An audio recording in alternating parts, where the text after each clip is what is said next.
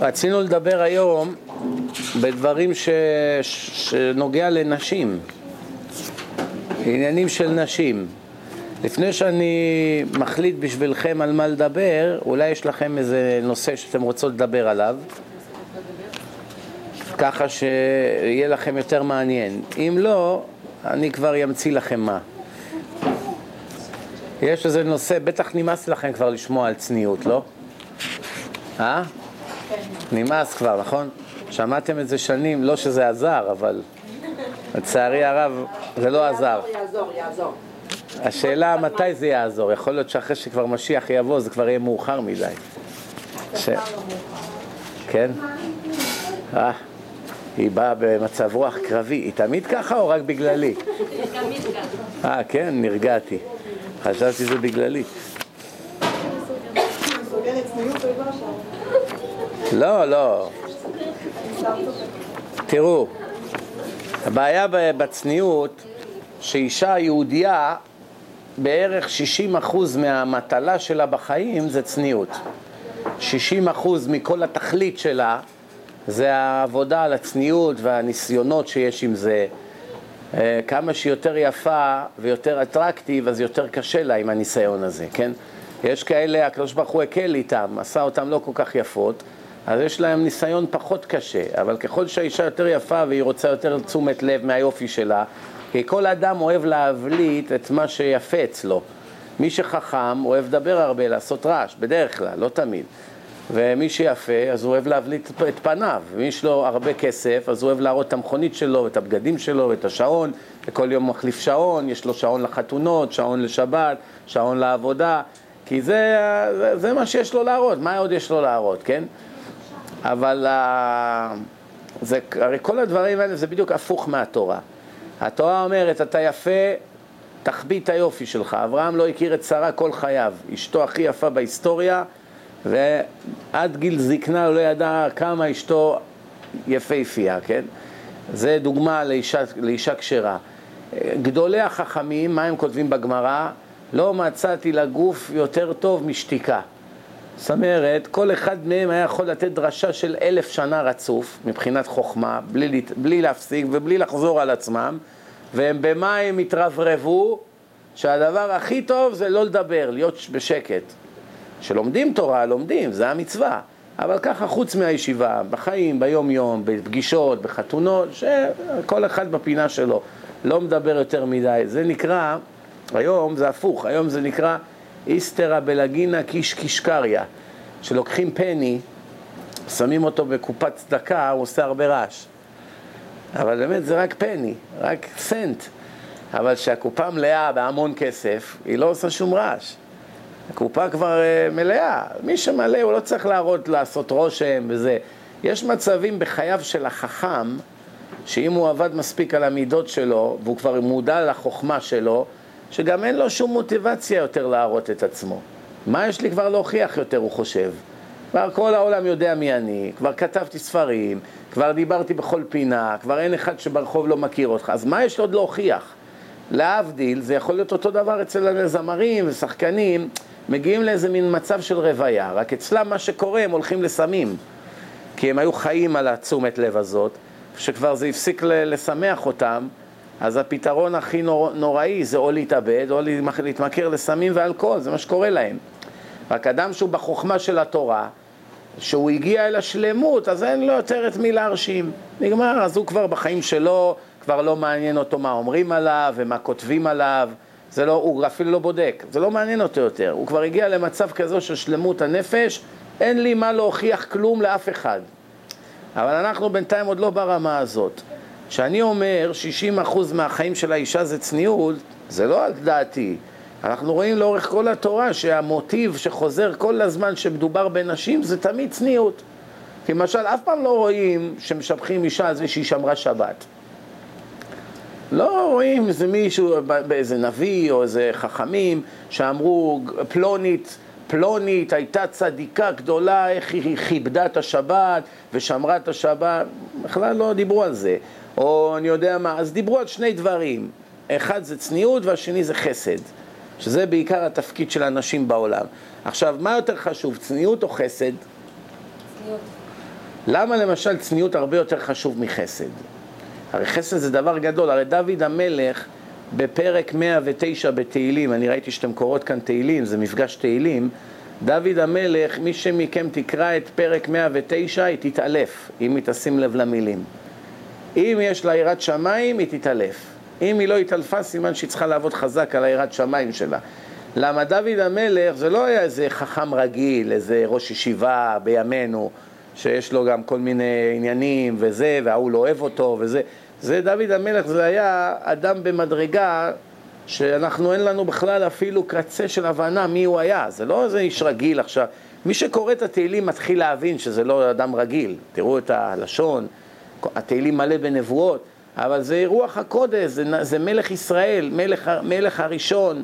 זה לא, זה, אבא שלו ישי מעולם לא עשה חטא, הוא חי 120 שנה, כתוב שישי, אבא שלו והבן שלו כלאב, גם מצד, גם אבא שלי וגם הבן שלי, זאת אומרת אני סנדוויץ', מעולם לא חטאו. הגמרא אומרת ארבעה מתו בעטיו של נחש, מעולם הם לא חטאו בעצמם, הם רק מתו בגלל החטא של אדם וחווה עם הנחש. אם לא היה החטא הזה, הם היו נשארים, לא היה סיבה להעניש אותם, לקחת אותם מהעולם. מי הם? עמרם זה אחד, אבא של משה רבנו. עכשיו אתה מבין מאיפה משה יצא, זה לא סתם, כן? דוד המלך הוא בן של ישי, ישי זה אחד מהם, כלאב, כמו שאמרנו, ובנימין, הבן של יעקב. זאת אומרת, רואים כאן שזה ארבעה אנשים מתוך מיליארדים שהיו כאן, שמעולם לא חטאו. מעולם. אתם יודעים מה זה לחיות מאה שנה, מאה עשרים שנה ואף פעם לא לעשות חטא אחד? כי אנחנו עושים בערך כל חמש דקות כמה חטאים, כל חמש דקות.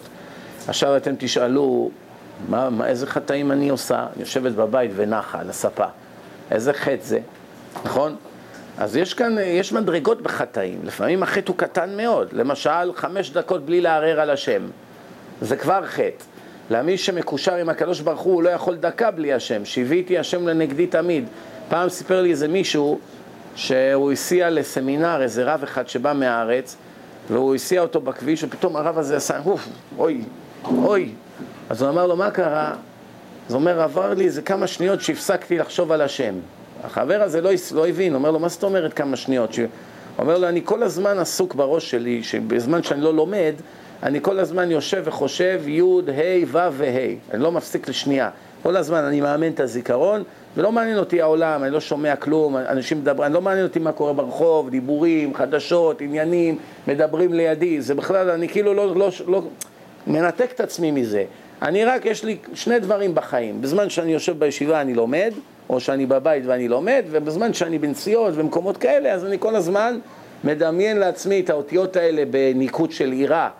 זאת אומרת, מתחת ליוד חיריק, היוד של השם, מתחת להי שווה, כן, מתחת להי קמץ, ו-A, זאת אומרת, כמו שמנקדים את המילה עירה, יש איזה עניין בקבלה שזה מתאר את הנפש. אז לרגע הוא הסיח את הדת, אז הוא נבהל פתאום, או, נסחפתי.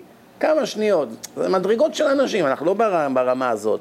אבל יש אנשים ברמה הזאת, יש אנשים יושבים עם תפילין כל היום, הם לא מפסיקים לרגע, כי אסור הרי עם תפילין לערער דברים לא טובים, צריכים גוף נקי, צריך, יש הרבה דברים בענייני תפילין. ברגע שהתפילין עליך, גם אם אתה רוצה נגיד לנמנם, אתה לא יכול.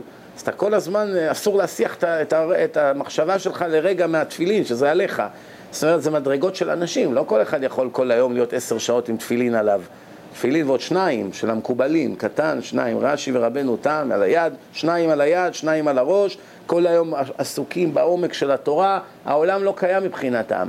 אני למשל אצלי בישיבה שלי בירושלים, יש לי 24 חבר'ה כאלה, שהם לא יודעים מי זה ראש הממשלה, לא יודעים מי זה שר הביטחון, לא יודעים שום דבר, לא מכירים אף שחקן, לא מכירים אף uh, קומדיאן, לא מכירים שום דבר, הם לא מכירים את הרחובות, חוץ מהבית לישיבה, תגיד לו, שינו את ירושלים, עשו רכבת, השתנה, דואר עבר לשם, כלום הם לא יודעים.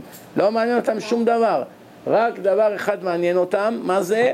מהבית לתורה, שמים מקווה בבוקר, תפילין, כל היום בתורה, באים בלילה, כמה זמן עם הילדים ועם האישה וחוזרים לספרים. וזה החיים שלהם. עכשיו אתם תגידו, איזה מין חיים אלה? הלוואי אני מאחל לכל אחת מכם שתגיעו לעשרה אחוז מהאושר שלהם, תאמינו לי, אתם תרקדו ברחובות. כי אין אושר יותר גדול לנשמה מלהיות דבוק בהשם. הרי זו התכלית האולטימטית, שאדם מגיע לדבקות בהשם. שדוד המלך היה לו כל הזמן דבקות בהשם. כל הפסוקים שאנחנו לומדים בתפילות, זה הכל בא ממנו. זה לא סתם. אז עכשיו, אה, מדרגה, אנחנו רואים שדוד המלך כותב בתהילים 109 רשימה של קללות. קללות. עכשיו אני אשאל אתכם שאלה, אם אני הייתי גן, בעלי, אתם חלק, חלק מכם כבר שמעתם אותי בעבר, אבל נאמר שלא, לא, מעולם לא ראיתם אותי, ועכשיו הופעתי פעם ראשונה פרצוף חדש ואני מתחיל להתקיף אתכם במטר של קללות. חס ושלום, לא עליכם, על שונאי ישראל, הלוואי שימותו, הלוואי שהילדים שלהם יהיו יתומים, הלוואי שהנשים שלהם יהיו אלמנות, שלא יישאר להם מה לאכול, שיהיו משוטטים ברחובות ומקבצים נדבות ולא ימצאו, והשם אל תרחם עליהם ותכה בהם וכל הזמן תזכור את החטאים שלהם ושלא תהיה להם תקומה. אז מה היינו אומרים? את מי דוד המלך מקלל כל כך בכעס? את היטלר? את פרעה? את נבוכדנצר, כל אלה היו אחריו, פרעה היה לפניו. את מי דוד מקלל כל כך? הרי מה, מדובר פה על צדיק יסוד עולם, זה לא זה זה.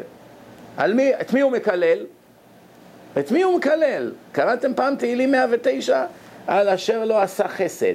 יהודי כשר, שומר שבת, אישה כשרה, הכל יש בה, כל מה שצריך, אשת רב. רק מה, אין לה סבלנות לעזור לאנשים, לעשות חסד, לבשל, לרחם על המסכנים, אני לא יודע מה, לכבס להם, להסיע אותם, לעשות טלפונים, לארגן שיעורים, להביא אנשים, לנקות את המקווה, כל מה שעושות הבעלות חסד, לא בשבילה. עזוב אותי, אני עייפה מהחיים, יש לי שני, שניים וחצי ילדים, זה קשה לי גם ככה, עוזרת באה רק חמש פעמים בשבוע, אני מתווכחת עם בעלי, אני רוצה שש, הוא קמצן, הוא נותן לי רק חמש, אני מיואשת, מה עכשיו חסד, למי יש כוח בשביל זה, מה פתאום לבשל לישיבה, שיקנו אוכל, הם אוספים תרומות, כל דבר יש לה הערות. אחת כזאת, דוד המלך בשם השם, לא בשמו, מקלל אותה קללות נוראיות, לא רק היא, גם איש, איש או אישה. שבגלל שהם לא עושים חסד, שהילדים שלהם יהיו יתומים, והאנשים שלהם יהיו אלמנות, ושיהיה להם רע, וכל החיים שלהם הם יסבלו. תקראו 109 תהילים, הנה יש לכם, תהילים קט, לא המצאתי את זה. עכשיו, אני שקראתי את זה פעם ראשונה נבהלתי. אני, אני שמעתי איזה דרשן שאומר את זה, אמרתי, אני חייב לבדוק את זה. כשקראתי את זה ראיתי ככה, וכל זה של אחד שלא עושה חסד, לא ישווה כאין וכאפס לרמת הצניעות אצל אישה. זאת שאומרים, אישה שלא עושה צניעות, שבעיני דוד המלך ראויה לקללות הכי נוראיות שיש, כן? דוד המלך, המשיח בא ממנו, זה לא צחוק. הנשמה אחת הגדולות שהיו בעולם, ארבע כאלה היה בכל ההיסטוריה. הוא מקלל את הקללות הכי נמרצות על אחת שלא עושה חסד, ולא מדברים על אישה רעה עכשיו. וכל זה לא ישווה כעין וכאפס לעומת רמת הצניעות. כמה זה חשוב, למה? למה זה כזה חשוב? מה? הרי הוא לא, אנחנו לא, מה, מה הולך פה? מה? זה כזה דבר נורא, ללכת בבגדים, או ללכת בג'ינס צמוד, או, או חצאית אה, מיני, או בגדים פתוחים, או שקופים, או צמודים, או שערות ככה, למשוך את העיניים של כל גבר מה נורא בזה? אני רוצה קצת תשומת לב, להרגיש קצת אישה קצת אה, פרפיום, קצת איפור, מה נורא, מה, הרי אני לא אבגוד בבעלי, אני לא זה, אני, יש לי גבולות, כל אחת והתירוצים שלה, שמענו את זה כבר שבעת אלפים פעם. אני כבר מכיר את זה באמצע הלילה, תעירו אותי, אני אדקלם לכם את כל מה ששמעתי, הכל אותו דבר. יש איזה ארבע, חמש תשובות, אפשר ככה ללחוץ פליי וכולם אותו דבר, כולם עונות. פעם איזה אחת אמרה לי, למה אתה מסיק מזה שאיך שאני מתלבשת זה עושה אותי פרוצה? אני עושה את זה בשביל הכיף של עצמי. אמרתי לה, קודם כל זה לא אני, אני אין לי כלום איתך, מה לי, מה לי ולך? אני באתי לתת לך מוסר בכלל? אני רק קראתי לך עכשיו הלכות צניעות באישה, זהו. היא אומרת, כן, כן, בסדר, זה לא ממך, אבל אני, רוצ, אני רוצה להבין, למה חייבים שכל אישה שמתגנדרת ולובשת לא צנוע ומתאפרת וכולי וכולי, אז אומרים שזה בשביל להכשיל את הגברים, בשביל שיסתכלו עליה וכולי. למה? אני עושה את זה בשביל להרגיש טוב עם עצמי. אני לא מרגישה טוב עם עצמי. אז אני שאלתי אותה, טוב, שמעתי מה את אומרת, אני רק רוצה לשאול אותך שאלה, אבל תעני עם יד על הלב. עם יד על הלב. אם עכשיו היית נוחתת איזה נחיתת אונס עם איזה מטוס באיזה אי, ואת היחידה ששרדת, זהו. את יוצאת מהמטוס, קופים, פילים, אריות, אין אנשים. כל האי מלא בקופים, שימפנזות, כולם עסוקים בשטויות שלהם, זורקים אגוזי קוקוס. ואת עכשיו עם התיק איפור שלך. זה מה ששרד. את והתיק הכי יקר לליבך. כן? הרי אם היו אומרים לך מה לקחת לך רגל או לקחת לך את התיק של האיפור, היית חושבת פעמיים. אז הנה, יש לך עכשיו את התיק של האיפור עם המראה וכל הפודרות האלו וכולי. עכשיו את באי. את עוברת, סקרת את כל האי, אי קטן, זהו, עשר דקות ראית שאין שם אף אחד, אין בני אדם. נחשים, זברות, זה לא יודע מה. כמה זמן היית מקדישה כל בוקר במראה לסדר את עצמך ככה עם העיניים ולא הצליח, מוחקת עוד פעם ועושה קו מסביב לשפתיים ושלוש פעמים עם הפן ככה טלטלים שהשימפנזות יסתכלו עלייך כמה זמן היית משקיעה? הרי עכשיו את נגיד חצי שעה עד שאת יוצאת מהבית כמה זמן היית מקדישה עכשיו לעיני הפילים וזה שיראו איזה יפה את? אז היא אמרה, האמת כלום, מה? אמרתי לה, את רואה, את שיקרת עכשיו את אמרת שאת עושה את זה כדי להרגיש טוב עם עצמך. אם זה בשביל עצמך, אפילו את בתוך הארון תתאפרי. שמו אותך, סגרו אותך בתוך הארון, סוגרים אותה. אני מכיר אישה אחת של... שהיא הולכת לישון, היא מתאפרת. לפני שהיא הולכת לישון, אני לא, מצח... אני לא צוחק, אישה דתייה. לפני שהיא הולכת לישון, היא דואגת להתאפר. עכשיו, הייתם חושבים שבגלל שהיא רוצה להיות יפה בעיני בעלה, כתוב שתמיד אישה צריכה להתגנדר לבעלה, כדי שלא תתגנה עליו. זה אחד הסיבות שהגמרא אומרת שבעל ואשתו לא, יהיו, לא יתייחדו ביחד בשעות היום, רק בשעות הלילה. בימינו זה לא כך משנה הרבה בגלל שיש חשמל, אבל בזמן התורה לא היה חשמל. אז בשש בערב כבר חושך, אז אם אשתך אפילו איזה שימפנזה מזימבבואה, אתה במילא לא רואה אותה. בלילות אתה לא רואה אותה, מהיום שהתחתנת אף פעם לא ראית באמת מי היא. ראית אותה כזה חשוך בדייטס עם נרות, לא היה חשמל כמו היום, זרקורים, ככה עוד הוא מדליק עליה פנס, לראות באמת שהעיניים זה אמיתי ולא עדשות. זה היה עולם כזה, מין כזה צנוע, אנשים גם לא ידעו הרבה, אז הוא רואה אחת קצת מטופחת, זהו. עכשיו פתאום באור יום, פתאום האמת תתברר לו, הוא כבר לא ירצה להיות, כי ככה זה דרכם של בני אדם. אז הגמרא אומרת, במקום של צנעה בשעות הערב. היום, ערב, צהריים, תמיד יש אור, זה כבר לא משנה, כן? אבל ככה זה היה בזמנם. אומרים, רק, ב, רק לא בימים, רק בלילות. אנחנו רואים שיש כאן עניינים חשובים. בכל מקרה, אז ההיא הודתה שבהיא לא הייתה משקיעה באיפור כלום. גם כבר לא היה אכפת לה על הדיאטה. איזה כיף זה, תארו לכם, אין כבר יותר מלעשות רושם. היא עכשיו באי, כל היום זוללת, 700 פאונד, אף אחד לא יגיד לה, שמע, את לא... לא, לא, אני לא מדבר עכשיו על בריאות. מדבר עכשיו על האסתטיקה. פה אנחנו מדברים עכשיו על ענייני צניעות, לא בריאות. בריאות ודאי שלא כדאי להיות שמן. יש כמה סיבות למה כדאי למות רזה. כן, והסיבה הכי חשובה, כי אולי הייתם חושבות, תראה, כל החיים שלי אני דוגמני. עכשיו נגיד אני כבר בת 90, במילא אני עוד מעט הולכת למות, אז מה אני עכשיו צריכה? אני אוכל. בשביל כל השנים שעיניתי את עצמי ולא אכלתי, עכשיו אני מסתערת על המקרר, על הארון, גומרת שם איזה 700 קילו של אוכל, מה אכפת לי? לקרוא מה, מה, מה, אני הולכת לעולם הבא, אני צריכה להיות רזה? אז יש לי חדשות. בזוהר, זה מובא בראשית חוכמה, זה מובא בהרבה ספרי קבלה. כתוב שכמה שהאדם יותר שמן, ככה הגופה שלו סובלת יותר בקבר. למה? כי הנשמה היא מתפצלת בזמן המוות. חלק מהנשמה עולה לבית דין של מעלה. וחלק מהנשמה נשאר בקבר, לכן גם יש עניין שיש כאלה הולכים לקברות צדיקים, מה אתה מדבר לקירות? אתה מדבר למצבה, לחולות, למי אתה מדבר? מה אתה עכשיו הולך למערת המכפלה ומדבר לקיר? אלא ברור שחלק מהנשמות של הצדיקים שקבורים שם, הן נשארות שם. נו, אז למה אתה הולך? מה, חס וחלילה זה עבודת אלילים? אני מתפלל לבן אדם?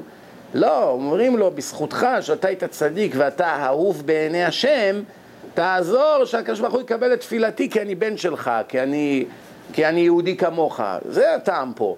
זה, זה, זה למה הדבר דומה? שאחד עכשיו הולך לבית משפט, השופט אומר לו תביא עורך דין. מה עורך דין? אני רוצה להגן על עצמי, לא נותנים לך. אומרים תביא עורך דין. זאת אומרת, עורך דין, בעיני השופט, השופט מתייחס לעורך דין אחרת ממה שהוא מתייחס לפושע. מה שהעורך דין יגיד, ישמעו. מה שאתה תגיד, לא מתייחסים אליך. זה דרך העולם, בכל, בכל העולם. אומרים לך, יהיה ולויר, נו, תמנו לו לויר מהממשלה. מה הבעיה? אני יודע לדבר יותר טוב מהלויר. אני יודע יותר טוב מהלוער. אני הייתי בבית ספר משפטים, קראתי ספרים, יודע, קראתי כל מיני דברים, קרימינל, אני יודע הכל. אני יודע להגן על עצמי ולהוכיח. לא נותנים לך. אפילו עורך דין, שדנים אותו בבית משפט, מביא עורך דין. הוא לא מגן על עצמו, למרות שהוא הרבה יותר טוב העורך דין הזה מהשני. הוא באמת גם יגיד לו מה להגיד, אבל הוא לא מדבר. למה? כשאתה בא עם נציג, זה אחרת. אותו דבר, באים לצדיק, אומרים לו, בזכותך שהתפילה שלי תעלה מעלה, הכוונה שאני, יש לי כל כך הרבה עבירות, אז הקדוש ברוך הוא, הוא מואס בתפילתי, בגלל כל הלשון הרע וזה, אבל אתה נקי, ואתה צדיק גדול, אז עכשיו שאתה תשתדל בעדי בשמיים, כמו עורך דין, זה כל הסיבה. אבל למה מדברים לשם? כי חלק מהנשמה נשאר. עכשיו, החלק שנשאר בגוף, בנשמה, הוא מתקשר לחלק שעלה לשמיים. זה קשר רוחני, כמו שיש טלפתיה. בעולם הבא, למשל, איך מדברים בעולם הבא? לא שומעים קול. בעולם הבא מדברים הכל במחשבות. זה לא כמו פה, פה מדברים דרך הפה. בעולם הבא מדברים בטלפתיה. כל אלה שמתו וחזרו לחיים, כל אלה שראו את האור, יש לי הרצאה שלמה, חיים אחרי המוות, יהודים וגויים, כולם מודים שבזמן שהם היו בבית דין של מעלה, הכל הדיבורים היה בהעברת מחשבות. זאת אומרת, אתה מדבר אל האור, ומה שהוא רוצה לענות לך אתה מיד מבין. אין פה קולות עכשיו, אתה לא שומע קולות. מובן? אז זה הנקודה, שזה העברת מחשבות. שם הכל גם ברור, זה עולם האמת, זה לא כמו פה, פה יש מכשולים. בכל מקרה, מה הנקודה?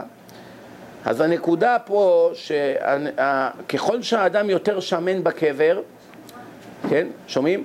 ככל, סליחה, ככל, ככל שהאדם יותר שמן בקבר, ככה לוקח יותר זמן לתולעים לגמור את הגוף שלו. כמה שיותר זמן לוקח לתולעים לאכול את מה שנשאר, ככה הנשמה יותר סובלת. וכתוב שהנשמה יש לה מנוחה לעומת, זה נקרא חיבוט הקבר, לא עלינו, רק כשהתולעים גמרו לאכול את כל הבשר, לגמרי. כל עוד יש, אז יש לו עדיין קשר לעולם הזה, הוא מרגיש את כל הסבל. אבל שזה נגמר. אז לכן, אדם שהוא רזה בזמן המיטה, זה, זה, גור, זה יכול לגרור כל שלושה ארבעה שבועות. אבל אדם שהוא מאוד מאוד כבד, זה יכול לקחת פי חמש יותר זמן עד שזה נגמר. אז הנה לכם סיבה אחת למה כדאי לשמור על הבריאות ולהיות רזה. אבל כמובן שיש דברים יותר חשובים, שאדם הוא חי, אז כשהוא שמן, קשה לו, הברכיים כואבות, הרגליים כואבות, כולסטרול, בעיות, לחץ דם, כל מיני עניינים שנובעים מזה, אז התורה אמרה, ונשמרתם מאוד לנפשותיכם, אבל אני לא באתי לדבר על בריאות. אני רוצה להתמקד בענייני נשים. בריאות זה דברים כלליים, זה מתאים לכולם, יהודים, גויים, גברים, נשים, ילדים. אנחנו מדברים עכשיו על דברים שבאמת יועילו לכם. אם אתם אנשי אמת, אם אתם בלוף, אני לא המרצה בשבילכם. אתם צריכים ללכת למרצים שמספרים בדיחות וסיפורים. אבל אם אתם באמת רוצים לקבל את האמת ולהתמודד איתה, אז תישארו ותשמעו. כי האמת היא, מה החוכמה? החוכמה היא להעביר את החיים ובסוף לגלות שהכל היה בלוף. שחשבתי שאני דתייה ובאמת אני במצב חמור מאוד בשמיים. מה עדיף? עדיף לגלות את האמת שכבר יהיה מאוחר, שאי אפשר כבר יהיה לתקן, או שמישהו כמוני יבוא ויזעזע לכם את הנשמה לאיזה שעה, ואולי תשתפרו בחמישה אחוז. זה כבר יועיל לכם מאוד. וחוץ מזה אני גם מדבר לעצמי, כי מה שאני מדבר לכם בענייני צניעות זה גם נוגע אליי בעקיפין. כי ש... מי שסובל מחוסר צניעות של נשים זה לא רק הנשים, זה הגברים, וזה מה שמביא אותי לשאלה ששאלתי אתכם, מה, למה צניעות זה יותר חמור אפילו מחסד? יותר חמור לאישה משמירת שבת. הרי כתוב מחלל שבת הרי הוא כגוי לכל דבר. אם נגע ביין, היין פסול. אם העיד עדות, העדות שלו לא מתקבלת. כל מיני דברים נוראים על מחלל שבת, ואפילו זה לא ישווה לחוסר צניעות. אז למה הקדוש ברוך הוא כל כך מקפיד על צניעות? א', בגלל... מה זה צניעות בשבילך? או, בגלל, תכף נסביר מה זה צניעות. אבל קודם כל, דבר ראשון, הקדוש ברוך הוא הרי הוא מושלם. הקדוש ברוך הוא מושלם, ואלוקים שונא זימה. זימה זה זנות. כל דבר שמתקשר למעשה זנות, למחשבות מלוכלכות, לסרטים לא צנועים, לדיבור... לדיבור לא צנוע, כל הדברים האלה אלוקים סולד מזה. למשל, ראינו בפרשת השבוע לפני שמונה ימים, ראינו דבר מאוד מאוד מעניין. מה זה? בלעם לא הצליח לקלל את עם ישראל, הקדוש ברוך הוא מנע ממנו, אבל הוא עשה נזק הרבה יותר גדול בסוף. מה הוא אמר? הוא אמר לבלק, תעמיד גויות יפהפיות ברחובות והעם הזה הולך לעזאזל. העמידו להם קצת בנות מואב, כל מיני גויות יפהפיות, ושתבינו, הגויות שהעמידו, הן נראות יותר צנועות מהרבניות של היום. שלא יהיה לכם ספק, שלא תחשבו שהם באו איזה מיני סקרט עם נעלי עקב ואודם אדום, כן? אנחנו מדברים פה על לפני 3,300 שנה. אישה, לא היו רואים סימן אחד קטן מהגוף שלה, כולם היו מכסות כמו הבדואיות היום, מא' עד ת', וכתוב, אישה, בתורה כתוב שאישה שמרימה את החצאית עד לברך היא זונה. ככה כתוב, תסתכלו בגמרא מפורש. רק אם מרימה ליד הגבר את החצאית, שיראו לה את הרגל, את השוק, כבר היא פסלה את עצמה לכל הדברים שזה. אני אתן לכם דוגמה. אישה שיוצאת לחצר ביתה, דקה אחת, שרואים שם שכנים שהיא בלי כיסוי ראש. בעלה כתב לה 20 מיליון דולר בכתובה ביום החתונה, התחתנה עם איזה מיליארדר, הוא כתב להם, תתגרשי ממני, את מסודרת, האני, אל תדאגי, הנה 20 מיליון, בכתובה תהיי רגועה. ראו אותה שני עדים, היא יוצאת לחצר של הבניין, נגיד שיש ליד הווילה שלהם איזה כמה בניינים ואנשים עכשיו עומדים בחלון, היא יצאה להביא איזה כדור לילד בלי כיסוי ראש, וראו אותה שני עדים, נחשו כמה עלה לה הדקה הזאת שהיא יצאה להביא את הכדור, הפסידה את כל הזכויות שלה, כל הכתובה בטלה, הכל. מגרשים אותה ולא נותנים לה כלום. למה? על חצי דקה של חוסר צניעות בפרהסיה. עכשיו תכפילו את זה ב-70 שנה של חוסר צניעות ותבינו לבד מה גודל החורבן. הבנתם מה אני מדבר פה או לא? בחורה יצאה דקה לרחוב, לא במאה אחוז צניעות. ראו את שערות ראשה, אנשים ברחוב. באים שני עדים לבית דין, אומרים כבוד הדיינים, גברת פלוני בתאריך כך וכך, בשתיים בצהריים יצאה להביא כדור שהילד שלה בעט לרחוב, ראינו אותה במו עינינו עם שיער ככה פתוח, וזה לא היה כיסוי ראש. על המקום, הדיינים אומרים, אם ככה היא לא נוהגת כדת יהודית, ככה הגמרא אומרת, והיא מאבדת את כל הזכויות שלה במקום. מה רואים מפה? אם זה ההלכה, זה ההלכה, זה לא עכשיו באתי לתת לכם שיחות מוסר, זה החוק. מה רואים מפה? שאין לך דבר יותר חמור מענייני צניעות, כן. שאלה. אתה אומר כיסוי ראש, כיסוי ראש זה גם... לא רק כיסוי ראש, לא, הכל. כן. זה כולל פאה? פאה זה נושא פרובלמטי, כי גם לאלה שמתירים פאות, יש מחלוקת אם פאה באמת זה נחשב כיסוי ראש, אף אחד מהם מעולם לא חלם להתיר את הפאות של היום. הם כל הגוונים והצבעים והטלטלים.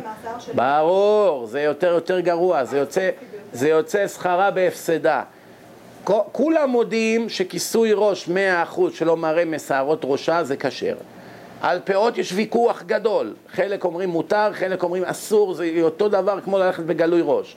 ואלה שאומרים מותר פאות, לעולם לא חלמו להתיר את הפאות של היום. לא לשכוח, הם חיו לפני 60, 70, 80 שנה שהתחילו עם הפאות. הרב שלמה זלמן אוירבך, זכר צדיק וקדוש לברכה, הוא היה אחד מגדולי הפוסקים האשכנזיים. הוא אמר שאז בזמנם באה האישה לירושלים עם פאה. וזרקו עליה אבנים, וכל ירושלים התחילו לצעוק לה, זונה, פרוצה, תסתלקי מפה, אין לך רשות להסתובב ברחוב. אישה דתייה, שומרת מצוות. זרקו עליה אבנים ברחובות, והיא ברחה משם בבושת פנים, והוא כותב ככה, שאפילו עיוור, עיוור, היה רואה שזה שערות קש של צאן. זה בכלל לא היה נראה בכלל כמו היום, הפאות של היום, זה היה סתם נראה מין כזה כובע עם, עם כאלה קצת צמר קופץ לכל הכיוונים. מגעיל את הנשמה. אף אישה היום לא הייתה מעיזה דקה ללכת עם כזו פאה ברחוב. תשלמו לה אלף דולר לדקה, היא לא תשים את זה, מהבושה. וזאתי ששמה את זה כבר צעקו לה פרוצה ורצו להרוג אותה, עוד מעט היו סוקלים אותה. אז זה היו הפאות שדיברו עליהם הפוסקים שאמרו מותר.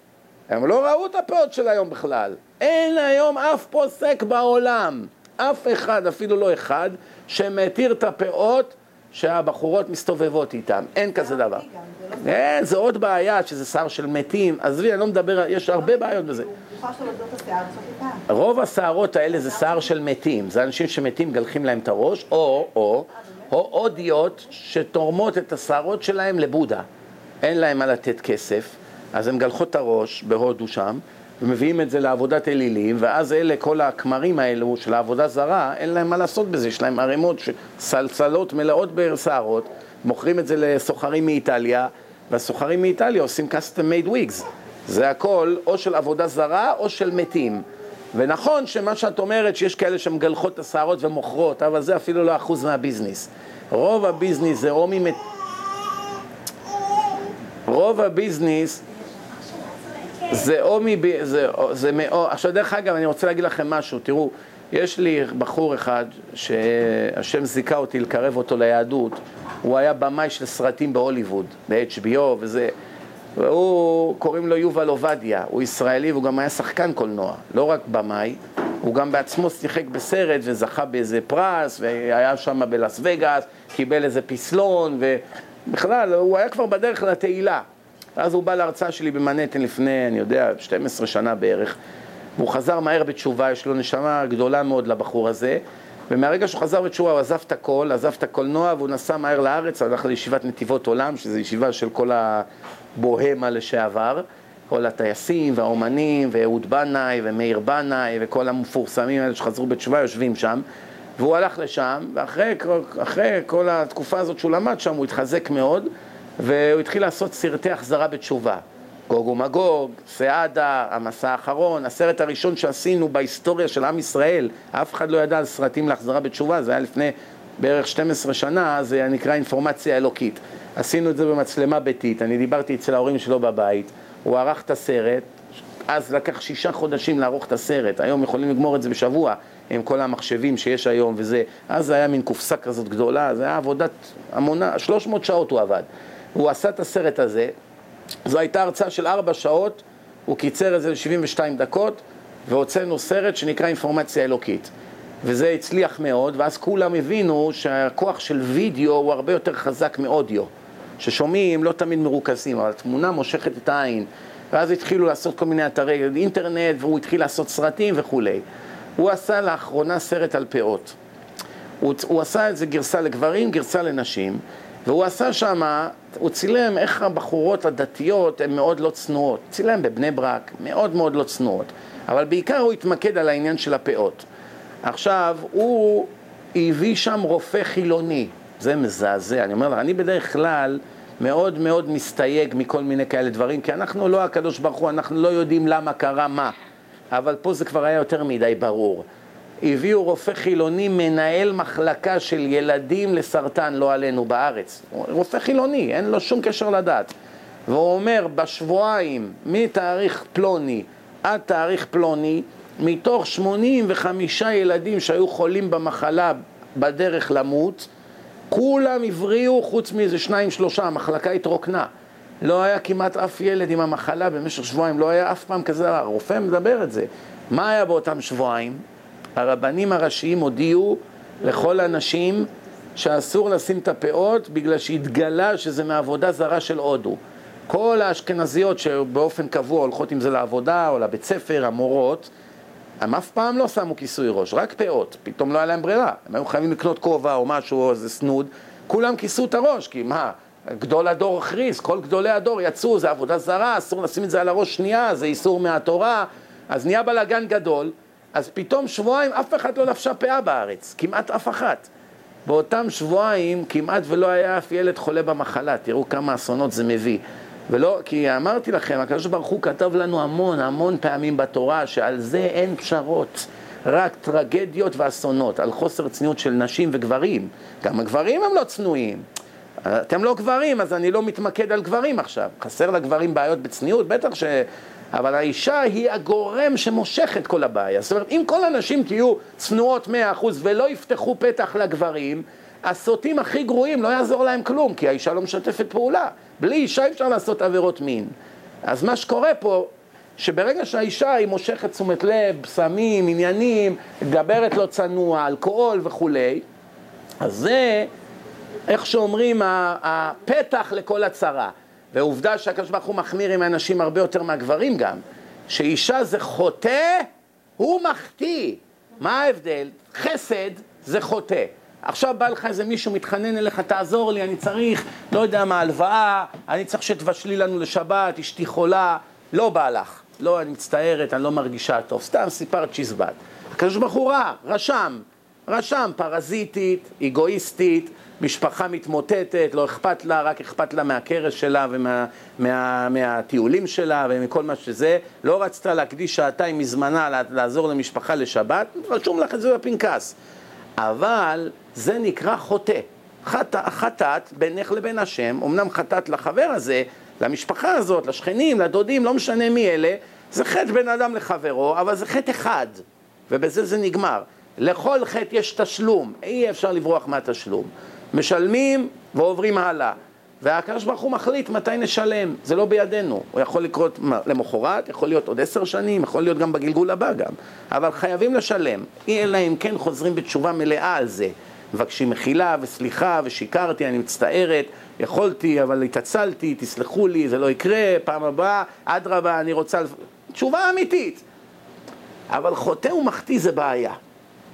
כל העבירות שהן עבירות בודדות, אישה הדליקה בטעות אה, סיר בשבת, סיר חשמלי, אוי, מה עשיתי? שיניתי את זה ליותר גבוה. התבלבלה, שכחה, היא לא ידעה, היא רגע שכחה, היא מתוך הרגל, אז היא עשתה חטא אחד, חילול שבת, חטא חמור, אבל חטא אחד, כן? כל הדברים האלה, למשל, כל מיני חטאים מסוימים שהבן אדם עושה, אבל זה חטא אחד. חטא אחד ועוד חטא, שניים, ארבע, עשר, מאה, אלף, זה נגמר בסוף, יש איזה גבול לזה. אבל יש מדרגה של מחטיא הרבים. מחטיא הרבים זה קטגוריה, זה כבר עולם אחר, זה קטגוריה בפני עצמה. מה שמחטיא הרבים עושה ביום אחד, האדם הבודד לא עושה בשבעים שנה. שיהיה לכם ברור. מה שבחורה לא צנועה מרוויחה לשלילה, מינוס, אצלה בחשבון על יום אחד שהיא הולכת לא צנוע ברחוב, אישה רגילה שהיא כן צנועה, כל החטאים של כל החיים שלה לא ישבו למה שאישה עושה ביום אחד בחוסר צניעות. ואני אסביר לכם למה. למשל, אישה עכשיו לא התפללה היום. לא התפללה בכלל, חטא אחד. חטא אחד, לא התפללה. אכלה עשר פעמים בלי ברכה, עוד עשרה חטאים, אחד עשרה. אה, אני יודע מה, לא, אה, לא עזרה לבעלה, שתים עשרה. אה, לא בישלה היום, הילדים היו רעבים, שלוש עשרה. אני יודע מה, כל מיני דברים, אני כבר מנסה לחשוב, מה כבר אנשים יש להם לעשות? זה לא עכשיו איזו רשימה של אלף דברים. לא הבנתם, מבחינת חטאים, חטאים בין, בין אישה ל... אוכל זה חטא? לא שמעתי. לא ש... לא, אם אישה מרעיבה את הילדים שלה זה חטא, מה התפקיד שלה בעולם? לא לא קניתי. אז קנית, אין בעיה, קנית, דאגת שיהיה אוכל בשולחן, זה בסדר גמור. בקיצור, תשמעו טוב, מה שלא יהיה, איך שלא תסתכלו על זה, נאמר, אה, לא, אכלה לא בירכה ברכת המזון, עוד חטא. בקיצור, אם תחברו, לא מגיעים ליותר מ-20 חטאים ביום. זהו. תחברו את זה לכל החיים, לא תגיעו למיליון חטאים. תגיע, תחברו את זה למיליון, לכל החיים לא תגיעו למיליון חטאים. אישה רגילה, שהיא צנועה כל הזמן, אבל היא עושה חטאים אחרים. היא לא תגיע למיליון. חיללה שבת, עוד חטא. חיללה עוד פעם שבת, עוד חטא. חיללה פעם חמישית שבת, חמישה חטאים השבת. אני יודע, קרא עיתון לא טוב, היה לה מחשבות לא טובות, עוד חטא. זאת אומרת, כמה שתחברו את זה, כמה שתחברו את זה, לא תגיעו למה שאישה לא צנועה הולכת ביום. רגע, עכשיו, אישה אחת הלכה בביקיני בחוף הים בתל אביב. חוף גורדון, חוף בוגרשוף, חוף uh, גהנום, חוף לא משנה מה. היא עכשיו מסתובבת שם מהבוקר עד הערב, שש, שבע שעות. באותו יום עברו בחוף אולי חמישים אלף גברים. אין היום גבר שהוא לא סוטה. במיוחד אם הוא לא ירא שמיים, אם הוא לא לומד תורה, אין כזה דבר. לא תמצאו גבר שהוא לא סוטה. אולי אחד לאלף יש לו מחשבות נקיות, כי הוא נולד ככה מטבעו. שהוא אדם, איך אומרים יורם, נרד. כל אדם חילוני, יש לו תאווה חזקה לעבירות מין. אין כזה דבר, וכל מי שמספר לכם סיפורים הוא סתם בלופר. וכל הזמן יצר האדם רע מנעוריו, ושהוא לא לומד תורה, אין גם מה שיגן עליו, כי לפחות האדם החרדי שיש לו תאוות נשים, הוא לומד הרבה תורה ומוסר, אז הוא נכנס לו פחד. אז זה לא שהוא לא רוצה לעשות עבירות עם נשים, הוא פשוט פוחד. זה שניהם יש להם את אותה תאווה. החילוני עם העגיל, עם השרירים שמגלח את השערות וכל היום עובד בג'ים כדי להרשים את הנשים, והחרדי הנחנך עם הספרים, שניהם חולי נשים, שניהם. רק מה, זה מקבל אנטיביוטיקה לאינפקשן שלו. וזה לא. זה כל ההבדל. מה עכשיו פתאום תופסים איזה אחד עם זקן, אומרים תראה איזה סוטה, אני יודע מה, אנס איזה אישה. בטח, מה הוא שונה מהחילוני? הוא הפסיק ללמוד תורה חודש, הוא נהיה חילוני, מה חשבת בתאוות שלו? אמנם הוא עדיין מברך, אמנם הוא עדיין שומר שבת, בזה עוד הוא בסדר, אבל אין אפוטרופוס לאריות. ואם אתם לא מאמינות לי, אני אביא לכם גמרא מפורשת שאני צודק. אביי, שמעתם עליו? מחיה מתים. יש איזה מישהו בעולם שיודע להחיות מת שמת? כולם בוכים, יש גופה עכשיו, הוא בא, אומר דברים באוזן שלו, הוא קם וחי. זה אביי. מוזכר בכל פרק בתלמוד. אביי, היו לו זוג שכנים, בחור ובחורה, דתיים, לא של היום מזויפים, דתיים אמיתיים, של לפני אלפיים שנה, בחור ובחורה. הבחור רוצה לצאת מחר ללוד בעגלה וסוס. הבחורה, השכנה שמעה, היא גם כן צריכה להגיע לשם. אין עכשיו רכבות, מוניות, אוטובוסים, בשתי דולר אתה מגיע לכל מקום. זה עולם של פעם, בין העצים, עגלה, נשבר הגלגל, לתקן אותו, איפה עכשיו היא תגיע בכוחות עצמה? מה, היא תרכב על חמור, שבוע ימים להגיע ללוד? הזדמנות פז. היא אומרת לו, אני יכולה לבוא איתך? אומר לה, כן, אין שום בעיה. שמע את זה הרב, שמע, הרב במקרה היה שם, שמע. קבעו לבוקר לצאת. מה, עכשיו יש, הגמרא אומרת שהיה לו שיעור קבוע, הוא מלמד ישיבה שלמה, הוא רב חשוב. באים אליו כל התלמידים שכל אחד מהם הוא פי מיליון מכל רב של היום, רק שיהיה לכם הבנה מי אלה הרבנים האלה שלמדו אצלו. הוא מלמד את כולם, הוא, הוא ביטל את השיעור של כל הקהל כי הוא היה בטוח שהבחור והבחורה האלה יעשו איזה עבירה, לא יודע מה, התחמם העניינים ביניהם בדרך, אף אחד לא רואה, הם בין העצים, בחור ובחורה צעירים בגיל כזה שהתאווה חזקה, חייב להיות משהו. אז הוא אומר, אני חייב ללכת, לא, כתוב לא תעמוד על דם רעך, הוכח, תוכיח, יש הרבה מצוות בתורה שיהודי חייב לשמור על כל יהודי שהוא מכיר. זה לא אומר, אתה חייב, אין לך ברירה. זה כל ישראל ערבים זה לזה. אז הוא אמר, אני חייב לעקוב אחריהם, שאיך שהוא יבוא לנשק אותה, אני מיד אקפוץ ויצעק אש, עברה, עוון, ויציל אותם. שומעים את הגודל של החורבן? לא כמו היום, חבר, חברה, איסורי כרת כל עשר דקות. זאת אומרת, אם בטעות ייגעו יד ביד, או שפתאום יחייכו אחד לשני וכבר יתח... זה כבר עוד עשר דקות זה כבר יקרה, אז אני כבר אקפוץ. בן אדם זקן, הוא עוקב אחריהם כל... מירושלים, תחשבו ברגל, ללכת עד לאזור שדה התעופה, זה המון, לא? בן אדם זקן. בסוף הם הגיעו לצומת, היא הלכה ימינה, הוא הלך שמאלה. לא נגעו אחד בשני. כל הדרך דיברו דברי תורה. התיישב גדול הדור על הרצפה והתחיל לבכות. דמיינו לכם עכשיו, בחור דתי, כיפה, קצת זקן, בחורה מבית יעקב, בחור והוא בישיבה, היא בבית יעקב, הוא לוקח אותה על עגלה וסוס, יושבים, כמו. מגיעים לאיזה צומת, מי עוקב אחריהם? הרב עובדיה יוסף. ככה הוא היה, ביחס להיום, כן, הכל ביותר קטן. עוקב אחריהם נגיד יומיים, שלושה, לא יודע כמה זמן לוקח להגיע ברגל לשם, יום ולילה עוקב אחריהם, הוא מבטל את השיעור שלו, יש לו שיעור בלוויין לעשרת אלפים איש, הוא מבטל את הכל, הוא עוקב אחריהם שבטעות הם לא...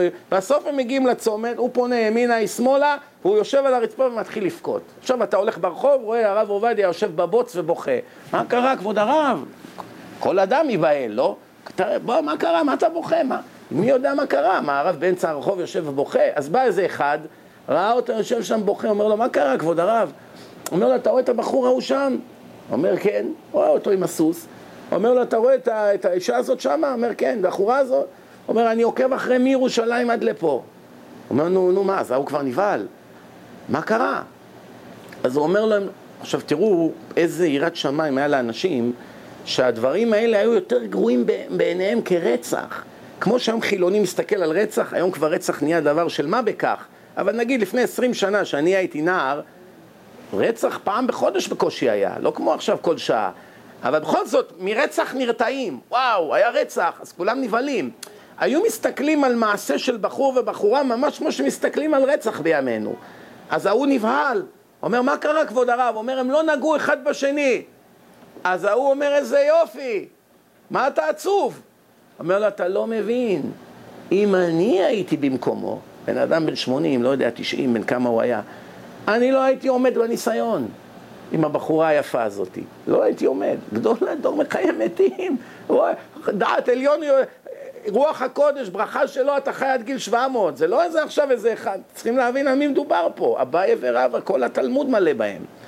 ממעבירי התורה, מהאנשים הכי חשובים שהיו בכדור הארץ אי פעם. אומר לך, אני לא הייתי מחזיק מעמד. אני אתן לכם עוד ראייה, כמה זה חמור. בחור אחד התאהב בבחורה, בטח שמעתם את הגמרא הזאת, לא? התאהב בבחורה, נהיה חולה. חולה אהבה. הוא בא עכשיו, אומר לבחורה, אני רוצה להתחתן איתך. הוא לא יעז לעשות איתה עבירה, הוא רוצה להתחתן איתה. נו, אני רוצה לקדש אותך.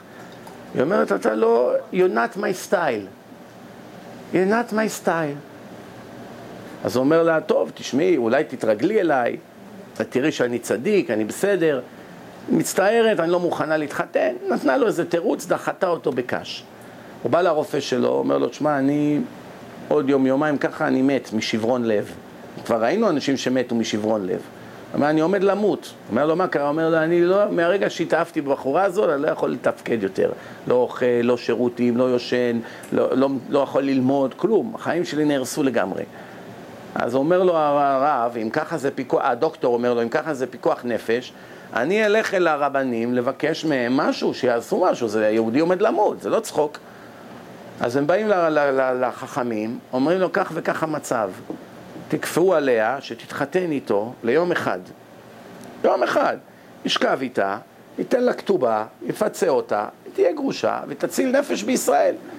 אמרו הרבנים, ימות, ימות ולא תיבעל לו. בסדר, אין מה לעשות, שימות. אין פתרון. אמר, אבל יהודי ימות. מה הסיבה? תשמעו, אמרו, אמרו הרבנים, ימות ולא תיבעל לו. לא מדובר עכשיו תיבעל לו סתם חבר וחברה, על ידי חופה וקידושין. אז זה פיקוח נפש. אז זה מה ש... זה מה אני מראה לכם, שזה לא דוחה פיקוח נפש.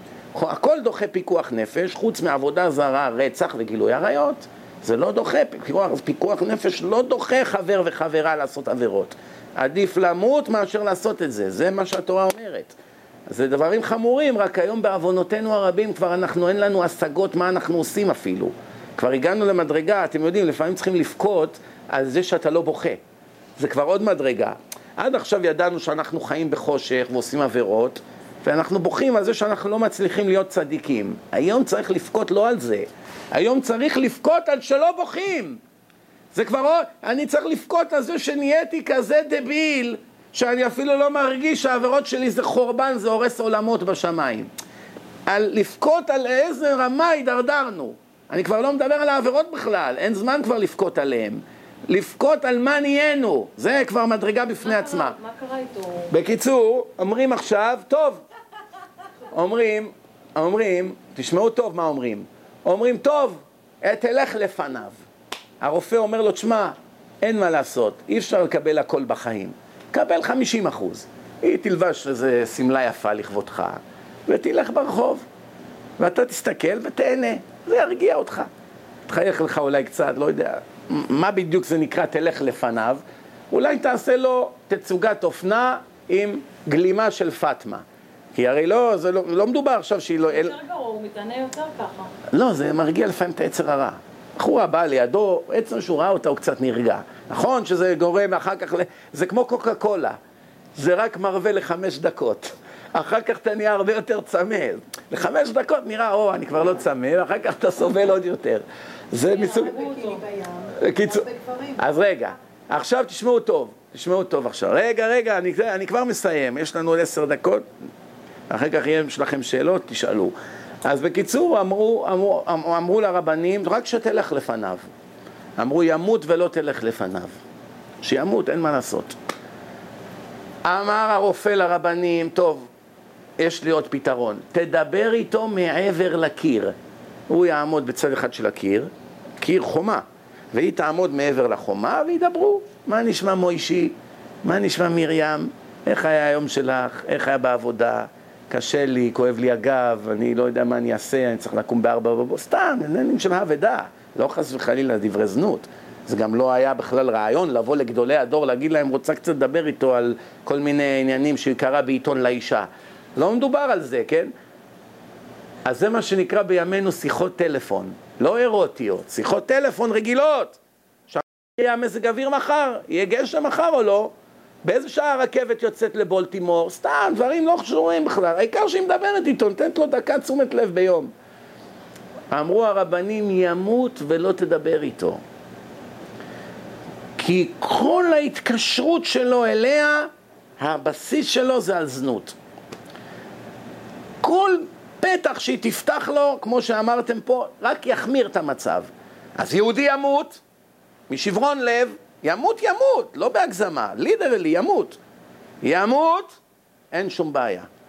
העיקר שבת ישראל לא תתחלל. שומעים מה קורה פה? זה רק להראות לכם על מה זה. אני נתתי פעם באחד הדוגמאות, שנגיד עכשיו גרים דיירים בשכונה משותפת, ואיזה דייר אחד רוצה להשתמש בחצר המשותפת. הוא לא יכול לעשות מה שבא לו, הוא צריך רשות מהשכנים. אז כתוב שאישה יהודייה יכולה לעשות בור כביסה באמצע השכונה בלי לבקש רשות מהדיירים. היא עושה בור, חופרת בור, שמה קצת טיח, שופכת מים, סבון, ומכבסת את הבגדים באמצע השכונה. אתה חוזר מהעבודה, בגד... תחשבו עכשיו, אתם גרים בצורה של חטא, יש, אני יודע מה, דשא, פתאום בור של איזה מטר, שמו שם קצת טיח, מילאו את זה במים וסבון, ואיזה אחת עומדת שמה, שוכבת שמה על הרצפה ועושה כביסה. מרגיז, לא? מי רוצה עכשיו שיהרסו לו את השכונה עם כזה דבר? מה פתח לנו פה עכשיו? אה, אה, מכבסה? מה, מי, מה אתה יכול להגיד לי? אני עושה לפי הדין, אני לא חייב לבקש ממך רשות. כל דבר אחר, אפילו להחנות שם את החמור, צריכים רשות. לשים שם מזוודות, לא יודע מה, להעמיד שם מקרר ליום אחד, חייבים רשות מהשכנים, זה לא, זה לא חצר שלך. שומעים? לשבות שם בשבת צריכים רשות. שכל השכנים יסכימו, אם אחד מתנגד אתה לא יכול להסתובב שם בשבת. לטלטל דברים, זה בעיה. למה האישה לא צריכה לבקש רשות? שימו לב לתשובה. היה עליה לדעת שאישה יהודייה תלך לנהר לעשות כביסה, לאגם? הרי אין לה שום אלטרנטיבה. איך יכול להיות בת של הקדוש ברוך הוא תלך למקום ציבורי ותכרע ככה על הברכיים ותעמוד על שפת הנהר, הנהר ותעשה כביסה במשך שעה, שכל גוי שעובר שם עם הסוסים מסתכל שאיזה רחל או מרים שם עושות כביסה. עכשיו, עוד פעם אני מזכיר לכם, לא מדובר בבגדים של היום, שרק מגרעות כל הזמן את היצר הרע, מדובר מכוסה מאלף עד תף, רק קורעת ככה בצניעות ועושה כביסה לבגדים של הילדים על שפת הנהר. רק עצם זה שיהודייה תצטרך ללכת למקום ציבורי שהיא תמשוך תשומת לב, שבאופן טבעי כולם יסתכלו מי זאת שם עושה כביסה, זה כבר הרי לא יכול להיות, התורה אומרת, זה אין בכלל, אז מה האלטרנטיבה? לכן אף אישה לא צריכה לבקש רשות, היא יכולה לעשות בור לכביסה בשכונה וזהו. מה רואים מפה? מי שמכם פיקחי איתי כבר צריכה להבין עניין. שבדבר הזה אין פשרות, אין, אין פשרות, ועד לפני שני דורות הסבתות שלנו מתו בייסורי מוות כדי לא להראות שערה אחת מראשם. אני על סבתא שלי זוכר איך כל עשר שניות היא, דאגה להכניס שהשערות לא יצאו מהמטפחת. היא לא הייתה איזה רבנית, כן? אישה דתייה, באה מעיראק, מגיל צעיר לארץ, כמה סבלו, כמה החיים היו קשים, כמה עשרה נפשות בחדר חצי מהסלון הזה. לא היה חדרים, לא היה מקלחות של היום. עד היום הבית הזה עומד שם באיזו שכונה נידחת בתל אביב שם. אם תראו, עד היום גרים שם סינים, פועלים זרים, בשבילם הם רגילים. בסין במילא אין מקלחות, כל מיני כפריים, בשבילם זה גן עדן. אבל בשבילנו, אנשים מתורבתים שגדלו בערים, בעיירות, היו מתקלחים עם משפך. כזה, כמו שמשקים את הגינה, ממלאים את זה, שמים ככה, לא היה שמפו של היום, לא, אין חשמל במקלחת, המקלחת היא מחוץ לבית, בחצר. יצחק תשובה, מיליארדר, קראתי עליו מאמר, שהוא בגיל נערות התקלח בחצר עם צינור, צינור ששוטפים מכוניות, ככה התרחצו. זה, הוא כבר הרבה יותר צעיר מסבתא שלי, באיזה 30-40 שנה. זאת אומרת, זה אז היה לפני 30 שנה, 40 שנה, אנשים בארץ כמו בעזה היו. היום המדינה התפתחה. לא אני רק מסביר לכם איזה חיים קשים היו לה, וכל מה שעניין אותה, רק הצניעות. רק הצניעות, לא יעזור שום דבר. טוב, נו, נקצר קצת כי הוא דוחק בנו. מה, יש קצת שאלות לפני שמסיימים? רציתי האמת לדבר איתכם קצת ענייני כתובה של אישה לפני החתונה, דברים מעניינים, אולי פעם אחרת כבר. למה לא עכשיו? לא, הוא משגע אותי התינוק, אני לא יכול להתרכז. אוקיי. יש כאלה שהם יכולים להתרכז כשיש רעשים ברקע. הלוואי שהייתי יכול, אני ברגע שמתחיל רשרושים זה משגע אותי, מוציא אותי מהריכוז.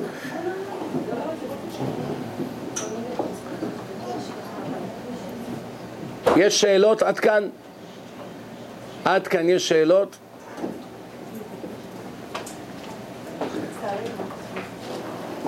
טוב, עוד חמש דקות, בכל זאת, ככה שנסגור לפחות שעה.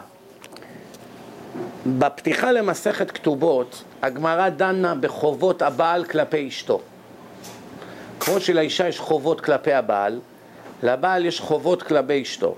רוב הגברים לצערנו הרב, כולל הדתיים, לא מקיימים את ההתחייבות שלהם על פי התורה לנשים שלהם. מה הם שלושת ההתחייבויות של הבעל לאשתו? מי יודעת? הנעלה, להאכיל אותה, להלביש אותה. זה הכל ביחד, הלבשה, כן? הלבשה זה אחד, נו. לדאוג לה שיהיה לה בגדים, כן? נו. נו. אוכל, בגדים, ומה עוד? יחסי אישות. זאת אומרת, זאת אומרת, אם בעל, בזמנם גברים התחתנו עם יותר מאישה אחת לפעמים. אז למשל, אם בעל התחתן איתה, אבל הוא לא רוצה לחיות איתה כבעל ואישה. רק להביא איתה שניים, שלושה ילדים, טפלי בילדים, אני אתן לך כסף, אין בעיה, בגדים, מכונית, מה שאת רוצה, אל תקראי לי להיות איתך. לא, אני, יש לי כבר אישה אחרת, אני לא מעוניין בך, כן? אז אחד כזה עובר על עבירה מהתורה. למה? אם התחתנת איתה, אתה מחויב לה בדברים שנורמליים אצל כל אדם, אצל כל גבר, אצל כל אישה, במקרה שלה שלושת הדברים האלה. מה שהאישה הביאה לחתונה, היא יכולה גם לצאת איתם, אם הביאה מבית אביה או שהיה לה איזה עסק או משהו, זה נקרא נכסי מילוג, היא יכולה לצאת איתם ביום שמתגרשים או חס וחלילה קרה משהו. אבל מה שהיא מרוויחה בחיי בעלה, כל מה שהיא מרוויחה בחיי בעלה שייך לבעלה. גם נכסים שהיא הביאה לחתונה, תשמעו טוב, נכסים שהיא הביאה לחתונה, אף על פי שזה שלה, מבית אביה, בזמן שהיא נשואה, כל הפירות שיוצאים מהנכסים האלה הולכים לבעלה, כי הוא המפרנס של הבית. זה לא משנה, גם אם האישה היא דוקטורית והיא מרוויחה 20 אלף דולר בחודש, ובעלה נהג מונית ומרוויח 2,000 דולר, הוא עדיין הבוס בבית בענייני הכסף. זה מה שהתורה אמרה, בתורה אין כזה דבר פמיניזם. פמיניזם זה המצאה של אנשים מקולקלים. התורה אמרה, שומעים? האישה נבראה בשביל הגבר ולא הגבר בשביל האישה.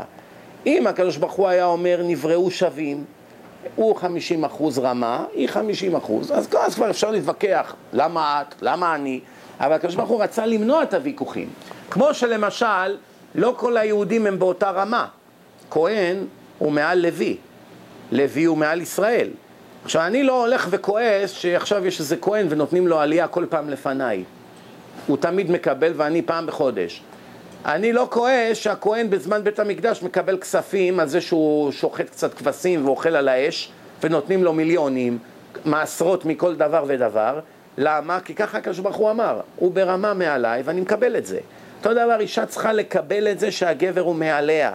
לא מדברים בצדיקות, יכול להיות שבצדיקות היא הרבה יותר צדיקה, ובשמיים יש לה שכר הרבה יותר גדול.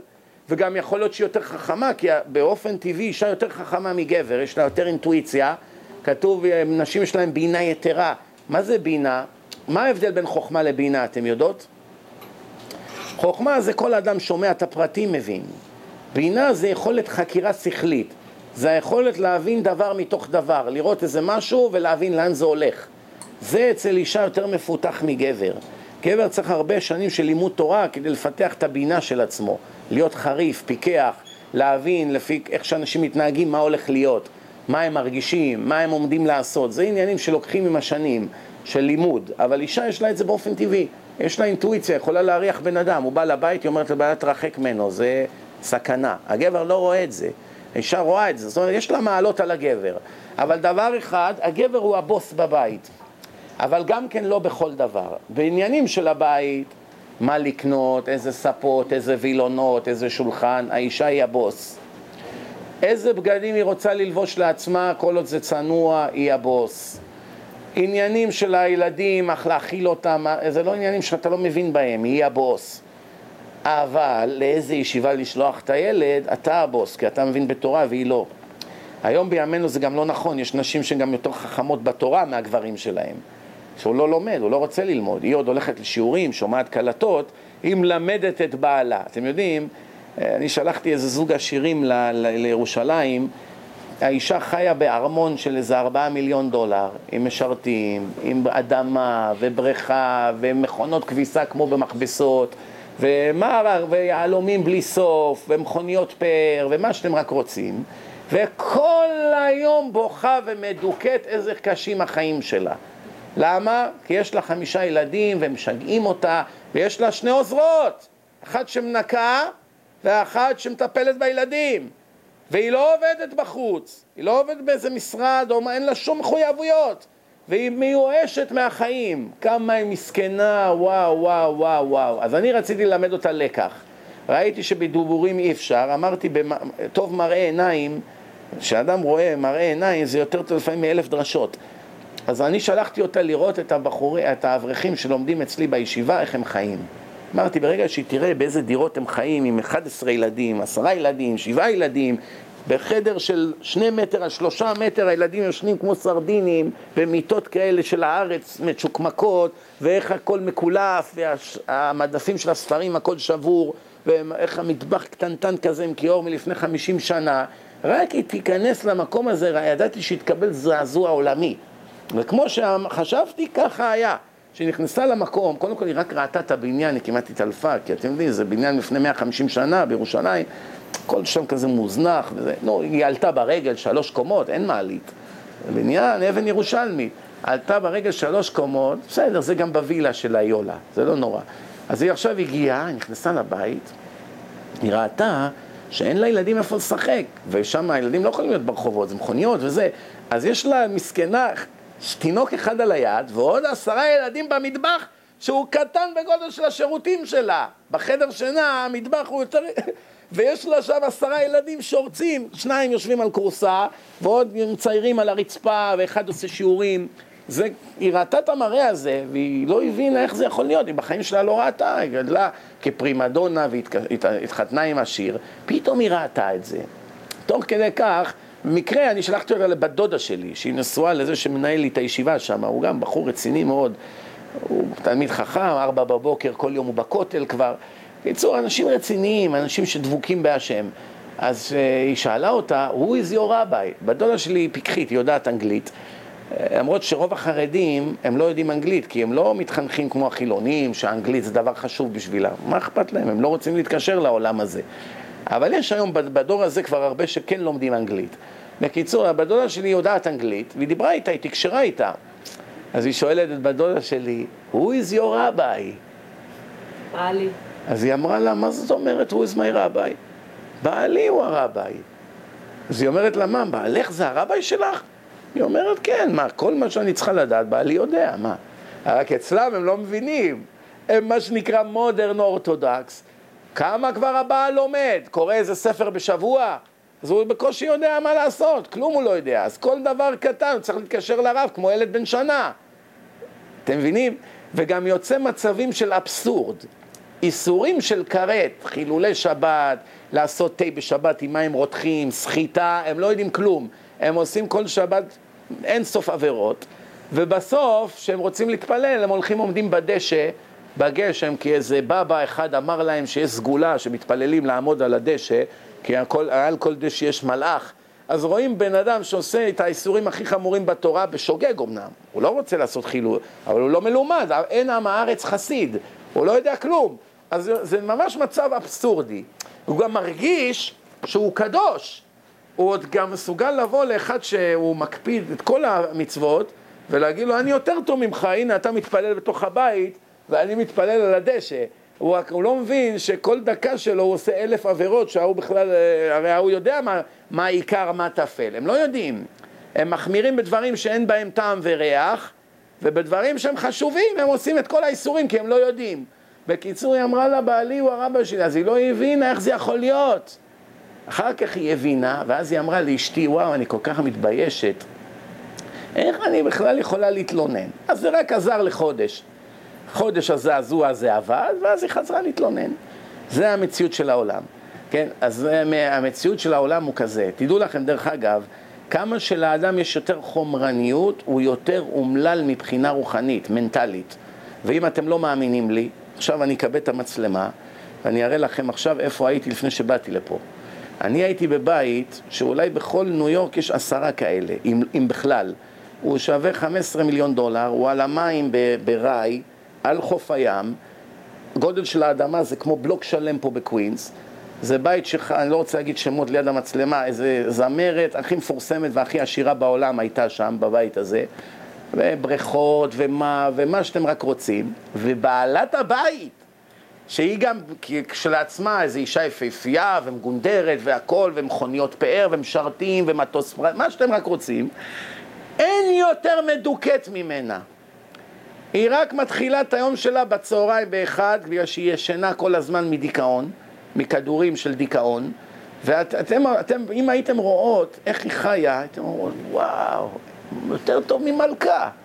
ממש יותר טוב ממלכה. אפילו מלכה יש לך מטלות, עבודות, פגישות.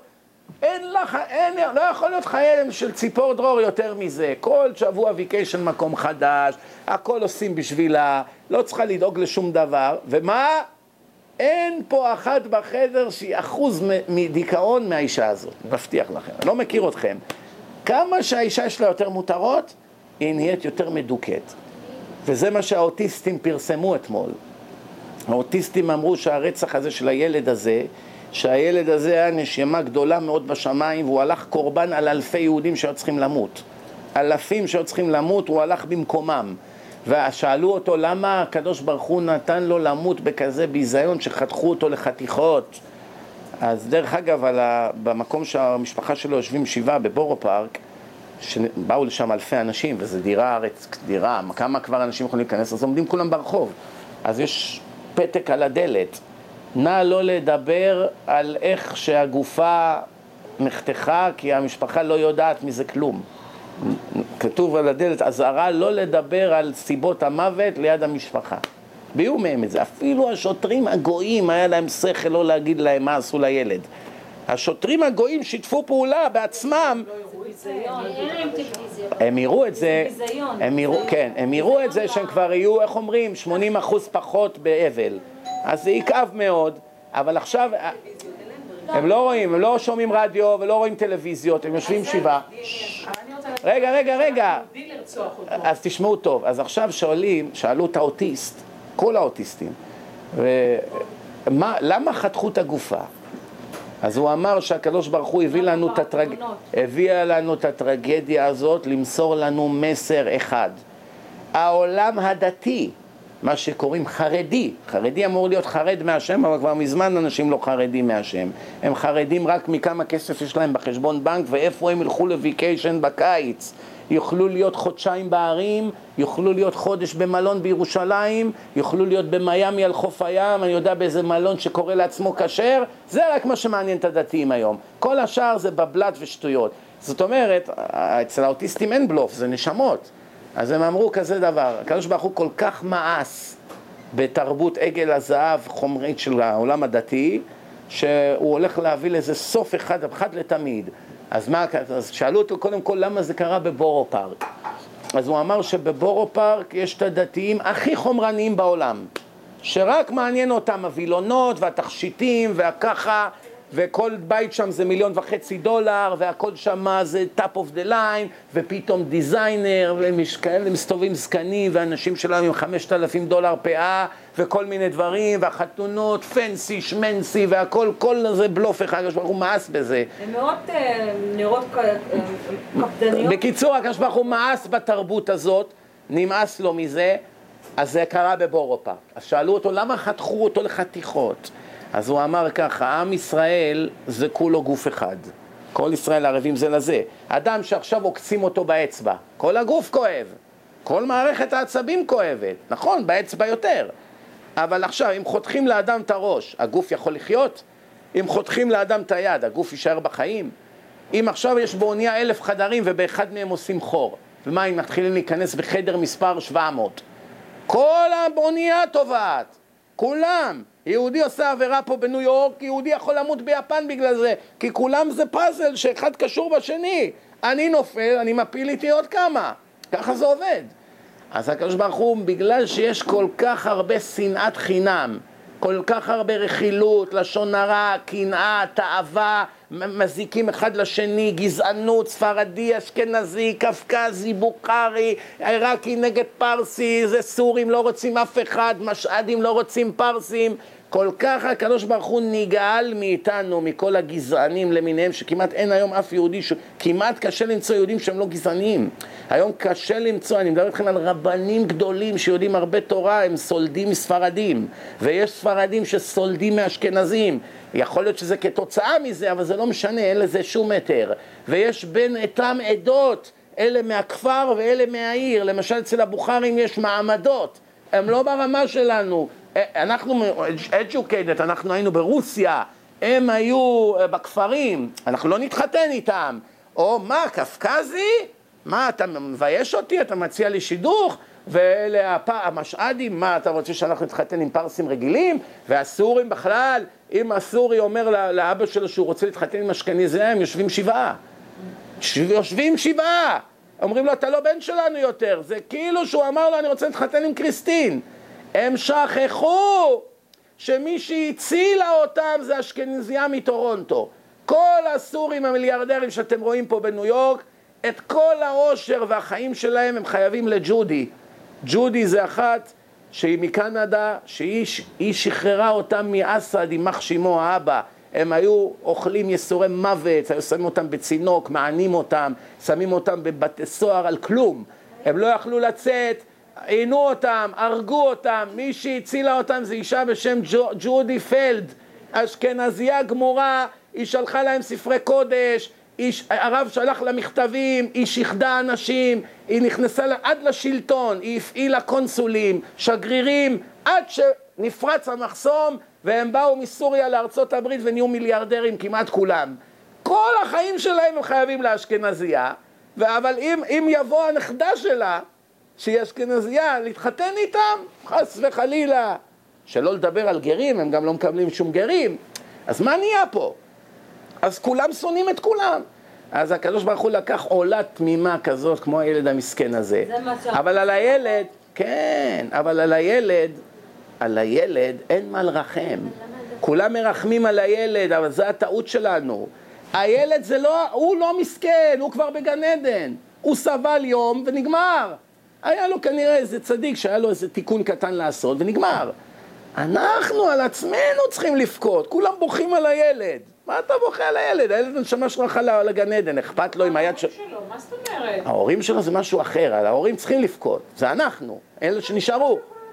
אבל הילד אין מה לבכות עליו, הוא כבר בגן עדן. הלוואי עלינו להיות איפשהו. מישהו שנשחט על קידוש השם, הרי שהורגים יהודי, כל יהודי ששוחטים אותו בצורה כזאת זה כמו עולה. אז יש לו מדרגה גדולה. רק לסיכום, שאני לא מדבר בשמי, אני אומר לכם בשם האוטיסטים. האוטיסטים אומרים שאנחנו עומדים לפני כמה חודשים שלא היו כדוגמתם מבריאת העולם.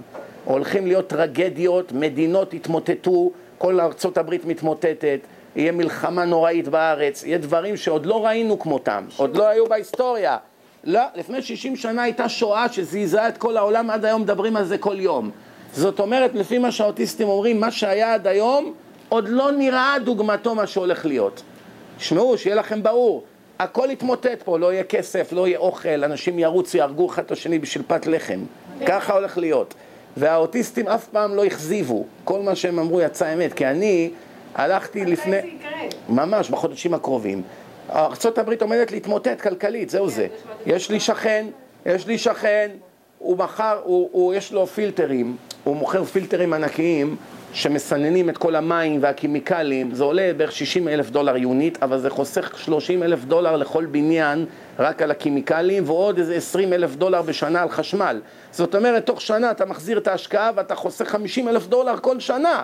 צבא ארצות הברית ראו את זה, החליטו לקנות ממנו יחידות, קנו יחידה אחת, אמרו זה פנטסטי, כתבו לו מכתב, it's amazing, זה הדבר הכי טוב שקרה לנו. אחרי חודש הוא אומר, נו, אז אנחנו תכננו ששמים בכל הבניינים. יש צנ- צנרת גדולה, זה מסנן את הכל. אמרו לו, אין כסף. נגמר, לא מזרימים יותר שום כסף לצבא ארצות הברית, המדינה בפשיטת רגל, רק emergency repair מתירים. רק דברים שזה חיים ומוות, שאני יודע מה, בב- בבית חולים, רק את זה, אין שום דבר, אין, לא, לא, לא אכפת להם מהגינות, לא לקצוץ את הדשא, לא לקצוץ את העצים, לא לשתול עצים, לא לנקות, לא ניקיונות, לא חלונות שרועדים, שום דבר לא מחליפים יותר. אין כסף, המדינה גמרה את הכסף, נגמר. ב-2 באוגוסט ב-2 באוגוסט ממשלת ארצות הברית עומדת להודיע לעולם שהם מפסיקים לשלם את הריביות שהם חייבים לכל אלה שקנו אגרות חוב. ואז כל המיליונים שחסכתם, אם חסכתם, לא, תכנו, לא תוכלו לקנות בזה שולחן אפילו. הדולר יהיה שווה גרוש, כלום, לא שווה כלום. תלכו לאירופה, תרצו פחית קולה 100 דולר. בגלל שממשלת הברית פושטת רגל, נגמר, כמו שקרה ברוסיה. הלכו לישון, הדולר היה חמש רובל. קמו בבוקר, נהיה חמש מאות רובל. זאת אומרת, אדם שהיה לו, דוגמה, 100 מיליון דולר, קם בבוקר, זה נהיה מיליון. הלך לישון, קם אחרי שש שעות, כל מה שחסך 40 שנה, הכל נמחק. עכשיו זה רק בן אדם אחד. תחשבו מה הולך להיות פה. זה לא רק פה, זה גם יקרה באירופה, זה יקרה בכל המקומות. והולך להיות בלאגן גדול, והאוטיסטים אמרו את זה, הם פרסמו אתמול אזהרה חמורה, שזה האזהרה האחרונה של הקדוש ברוך הוא. הוא אמר, אלה שצדיקים גם יסבלו, אבל יעברו את זה. יעברו את זה. כאילו. ילד אוטיסט. ילד אוטיסט זה רק נשמה, זה לא גוף. אמנם רואים גוף, אבל הגוף מנותק מהנשמה. אצלך ואצלי הגוף והנשמה עובדים ביחד כמערכת. הנשמה היא הרוחני והגוף הוא הגשמי. הגוף מגביל את הנשמה. זאת אומרת, הנשמה רוצה לעשות תמיד דברים טובים, אבל יצר הרע מונע. אבל אצל אוטיסט אין כזה דבר. אוטיסט, הגוף זה רק קופסה שמחזיקה בפנים נשמה של אדם, אבל הנשמה היא לא מקושרת לגוף. מה פירוש? אם תנסי להסביר לו משפט, הוא לא מבין, כי המוח הוא מנותק מכל המוח, מהמערכת, הוא לא מבין כלום. אבל יש דרך לתקשר ישירות עם הנשמה. על ידי שלוקחים את היד, על ידי מחשב, ומדברים איתו, ואז הוא בכלל לא מסתכל על המחשב, הוא ככה, היד שלו זזה באופן טבעי, והם מדפיסים תשובות, ושואלים אותם. אז מדברים עכשיו רק עם נשמה, זה כמו שעכשיו מתקשרים למישהו שמת, והוא מוסר תשובות. עכשיו, זה דבר מבהיל. למשל, אני לפני 10-11 שנה שדיברתי איתם, זה היה לפני שהתחילה האינתיפאדה, הם כבר אמרו לי שבעוד חודשיים עומד להיות מצב נורא, שמיים שחורים, יהיה בעיות גדולות מאוד עם הערבים, הולך להיות בלאגן בארץ, וכל מה שהם אמרו לי קרה. ועוד הרבה פעמים הם אמרו דברים, ואחרי כמה חודשים זה הכל קורה. ועכשיו מה שהם אומרים, האמת לא צריך אותם, אני כבר הבנתי את זה מזמן גם בלי זה. אבל מי שרוצה יקרא, עכשיו מפרסמים את האימיילים שיצאו אתמול, אתמול קיבלתי את זה. מה- הם אמרו? אז זה מה שהולך להיות. לכן כל אלה שרוצים לחסוך כסף ודואגים מה יהיה עם הילדים, איך נחתן אותם, תחשוב קודם כל איך נשרוד עוד שלושה חודשים, הולך להיות בלאגן נוראי בעולם. דרך אגב, מישהי אמרה לי היום, שאותה, ששמו את הרוצח הזה באוטו, הלכו אחריו עשרות כושים, שהמשטרה הייתה נוסעת, הכושים כמעט והפכו את האוטו משטרה מרוב עצבים. Filthy murderer, מתועב. חרדים כולם עמדו, קיבלו את זה כגזרה משמיים, אבל אצל הכושים אין כזה דבר גזרה משמיים. הם רצו לעשות לו לינץ'. הכושים, אפילו הכושים שהם לא אוהבי חרדים הכי גדולים שיש, כן? כבר היה איתם הרבה אה, חיכוכים בברוקלין, הם לא יכלו לעכל מה שקרה שם. הבן אדם הזה מטורף, עכשיו יוצאים עדויות שהוא כבר הטריד הרבה ילדים בשכונה וכבר הוא, הוא נותן כאלה מבטים של משוגע ואני רוצה להגיד לכם משפט אחרון להיום. אשתי יש לה בן דוד שהוא עובד בשירות פסיכולוגי, הוא עובד בבית חולים, במנטל, במחלקה של, ה... של אלה שיש להם בעיות אה, מנטליות. אמרתי לו, מה אתה חושב על מה שקרה? אומר לי, אני רוצה להגיד לך דבר אחד. צריכים מאוד מאוד להודות לקדוש ברוך הוא על זה שלקח כל כך הרבה שנים עד שקרה כזה מקרה. כי בדרך הטבע צריך שתהיה כל שעה כזאת טרגדיה. אמרתי לו, מה אתה מתכוון? אומר לי, אתה יודע כמה אלפי מטורפים ומשוגעים שצריכים תרופות, לא מקבלים תרופות ולא מקבלים טיפול? אתה יודע שבאים אליי הורים ששניהם משוגעים, יש להם בעיות במוח, בייפולר, כל מיני קימיקלים, סכיזופרניה, מדברים עם עצמם, עושים כל מיני פרצופים מפחידים וצוחקים וכל מיני פתאום קופצים מכזה לדבר ואלה יש להם ילדים, אתה רואה את הילדים והם לא מחליפים לילד חיתול שלושה ארבעה ימים עד שהצואה כבר נופלת על הרצפה הם לא, הם, לא, הם לא ברי דעת, הוא אומר לי. האנשים האלה זה רק נס. יש כאלה אלפים שלא, אין, אין מערכת שמטפלת בהם. המע, המערכות הקיימות הן קוראות תחת הנטל של החולה נפש. אין מספיק מוסדות לקבל, יש כל כך הרבה חולי נפש בדור הזה, שאין מי שיטפל בהם. על אחת כמה וכמה בעולם החרדי. שבעולם החרדי כולם דואגים מה יגידו עליי, לשידוכים של הילדים, אז כל מי שיש לו איזה ילד חולה נפש, מחביאים את זה כל הזמן. לא הולכים לקבל טיפול, כי זה יהרוס למשפחה את השם. ואז הוא אומר, זה בכלל נס, איך רק עד עכשיו יצא רוצח אחד בחמישים שנה שעשה כזה דבר. הוא אומר, את רק אלה שאני ראיתי, זה נס שהם לא רוצחים כל יום ילד. זה אנשים, אתה לא מבין איזה אנשים אלה, הם לא יכולים כלום, הם לא מתפקדים, זה לא נורא, אתה תיכנס לעצמם הביתה, תשתקע מה קורה. אומר לי, זה נס שהילדים, הם לא לוקחים אנשים, שוחטים אותם כל יום. אז תראה, אז קרה מקרה אחד בחמישים שנה, שככה עשו כזה טרגדיה נוראה. אתם יודעים שיש הרבה ילדים חטופים. יש שישה חרדים, ילדים חטופים, אף אחד לא גילה אותם. רק מה, זה נשכח מהציבור, אחרי שבוע, שבועיים, מחפשים, מחפשים, שוכחים, זהו. לא מוצאים לעולם את הילד. ילד, בחורה, נעלמו. לא מוצאים אותם. יש אלפי ילדים אמריקאים שנעלמים. אלפים, ואף אחד לא מוצא אותם לעולם. קוברים אותם במרתפים לפדופיליה, לזנות, מסממים אותם, עשרים שנה הם לא יוצאים מחדר, לוקחים ילד מסכן או ילדה, גומרים להם על החיים, גומ... עד שהם מתים, וגם כשהם מתים קוברים אותם באיזה חורשה ואף אחד לא יודע איפה הם, לעולם לא, לא מוצאים אותם. זה כבר, השלטונות אין להם כבר מה לעשות נגד זה. שומעים מה קורה פה? העולם הגיע לשפל שאין דוגמתו, אבל מה? אנחנו, אנחנו. אם לא נתעורר עכשיו, יכול להיות עוד שישה חודשים כבר לא נוכל להתעורר. ואמר הרבי, שמחה בוני מפשיסחה, משפט מזעזע, מי שפיקח, מי שפיקח יזכור את המשפט הזה. הוא אמר, אנחנו, יהודי כשר, צריך כל הזמן לדמיין את היצר הרע, את השטן, כרוצח שעומד עם גרזן וכל שנייה עומד לכרות לו את הראש. כבר היד שלו מונפת ואני מסתכל עכשיו, עוד שנייה הוא כורת לי את הראש. ככה אני צריך כל הזמן לדמיין את היצר הרע, את השטן עליי. טעות אחת שלי, והוא כורת לי את הראש.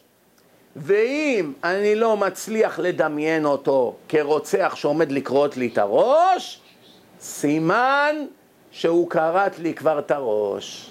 אני כבר מת מבחינה רוחנית. בגלל זה אני לא מצליח. אם אני לא מצליח לחשוב על היצר הרע ככה, ככזה אויב, סימן שאני, איך אומרים, מקרה אבוד. איך שאומרים בארץ, אני כבר מקרה אבוד. שומעים מה מדובר פה? לכן צריכים להזדעזע מיד ולהתעורר. ואמרתי לכם, צניעות זה חוטא ומחטיא. אי אפשר למצוא את כל הבחורים שיסתכלו עלייך ולבקש מהם מחילה ולהחזיר את הגלגל אחורה על כל החטאים שהם עשו. אי אפשר. את לא תצליחי. כל מי שיסתכל לך על הרגליים ועל איברים מוצנעים בגוף, את כבר אפילו לא יודעת מי זה. אם זה בבריכה, בחוף הים, בתמונות, בפייסבוק, באינטרנט, כל מיני דברים. אין, אי אפשר דרך להחזיר את הגלגל אחורה. לכן כל יום שעובר המצב רק מחמיר, צריכים להתעורר, שלא לדבר עכשיו שאת רוצה להתחתן, ואיזה בעל ישלחו לך, שאת לא צנועה, אז מה כבר את רוצה שישלחו לך? הגמרא אומרת, אה, רשע פרוצה לרשע וצנועה לצדיק. לא כתוב רשאית לרשע, צנועה לצ... לצנוע, או צדיקה לצדיק, לא. כתוב צדיק הולך עם צנועה, רשע הולך עם פרוצה. מה, אצל האישה אין כלום? רק צנועה ופרוצה, זהו. מה עם צדיקה? אין כזה דבר צדיקה. צדיקה זה רק צנועה. היא לא צנועה, היא ודאי לא צדיקה. לא יעזור כלום. זה, או, זה, זה התורה, זה, זה גמרא מפורשת. תקראו ברש"י. פרוצה לרשע, צנועה לצדיק. סימן שזה הכל. אני מקווה שקצת עוררתי אתכם. הלוואי שהרבה. יש כאן, אה, יש כאן כיסויי ראש של שחר היקר שמוסר את נפשו להחזיר אנשים בתשובה כבר הרבה שנים מאז שזכיתי להכיר אותו ואת אשתו הנפלאים וכבר ברוך השם עשו הרבה דברים אבל הם בתמימות היפה שלהם, ברצון שכל יהודי ישתפר כל הזמן מביאים דברים ועוזרים ומכונות גילוח יש לו כאן כיסויי ראש לא לדאוג, תתחילו רק בשבת הנשואות, שבת לפחות תכסי את הראש כבר את בקידוש, את כבר מדליקה נרות לפחות שבת תתלבשי כמו, כמו בת ישראל שלפחות מחר יבוא משיח, יהיה לך מה לטעון. התחלתי. לפחות שבת. עד כמו שאני מכיר אותך זה בחינם, נכון? כן, הכל אצלך בחינם, ברוך השם. כל אחת כאן שרוצה לקבל בחינם כיסוי ראש יפה, היום גם זה באופנה, אני רואה גם הרבה גויות שמות את זה. היום זה נהיה אופנה, כל הקשירות האלה, כל המטפחות. הנה, יפה מאוד. תבחרי לך איזה צבע שאת רוצה, בבקשה. רבי, ברך אותה בבקשה. כן, אני נותן לך ברכה. מה שמך, בבקשה? רינה, בת מלכה. רינה בת מלכה, אני מברך אותך בעזרת השם, אני כלום, אבל בעזרת השם הקדוש ברוך הוא יברך אותך, שבזכות זה, שאיך אומרים, פתחת פתח כפתחו של מחט, יפתח לך כפתחו של אולם, ותזכי לברכה והצלחה וצניעות וכשרות ואושר ואושר וכל מה שצריך בעזרת השם במהרה, אמן.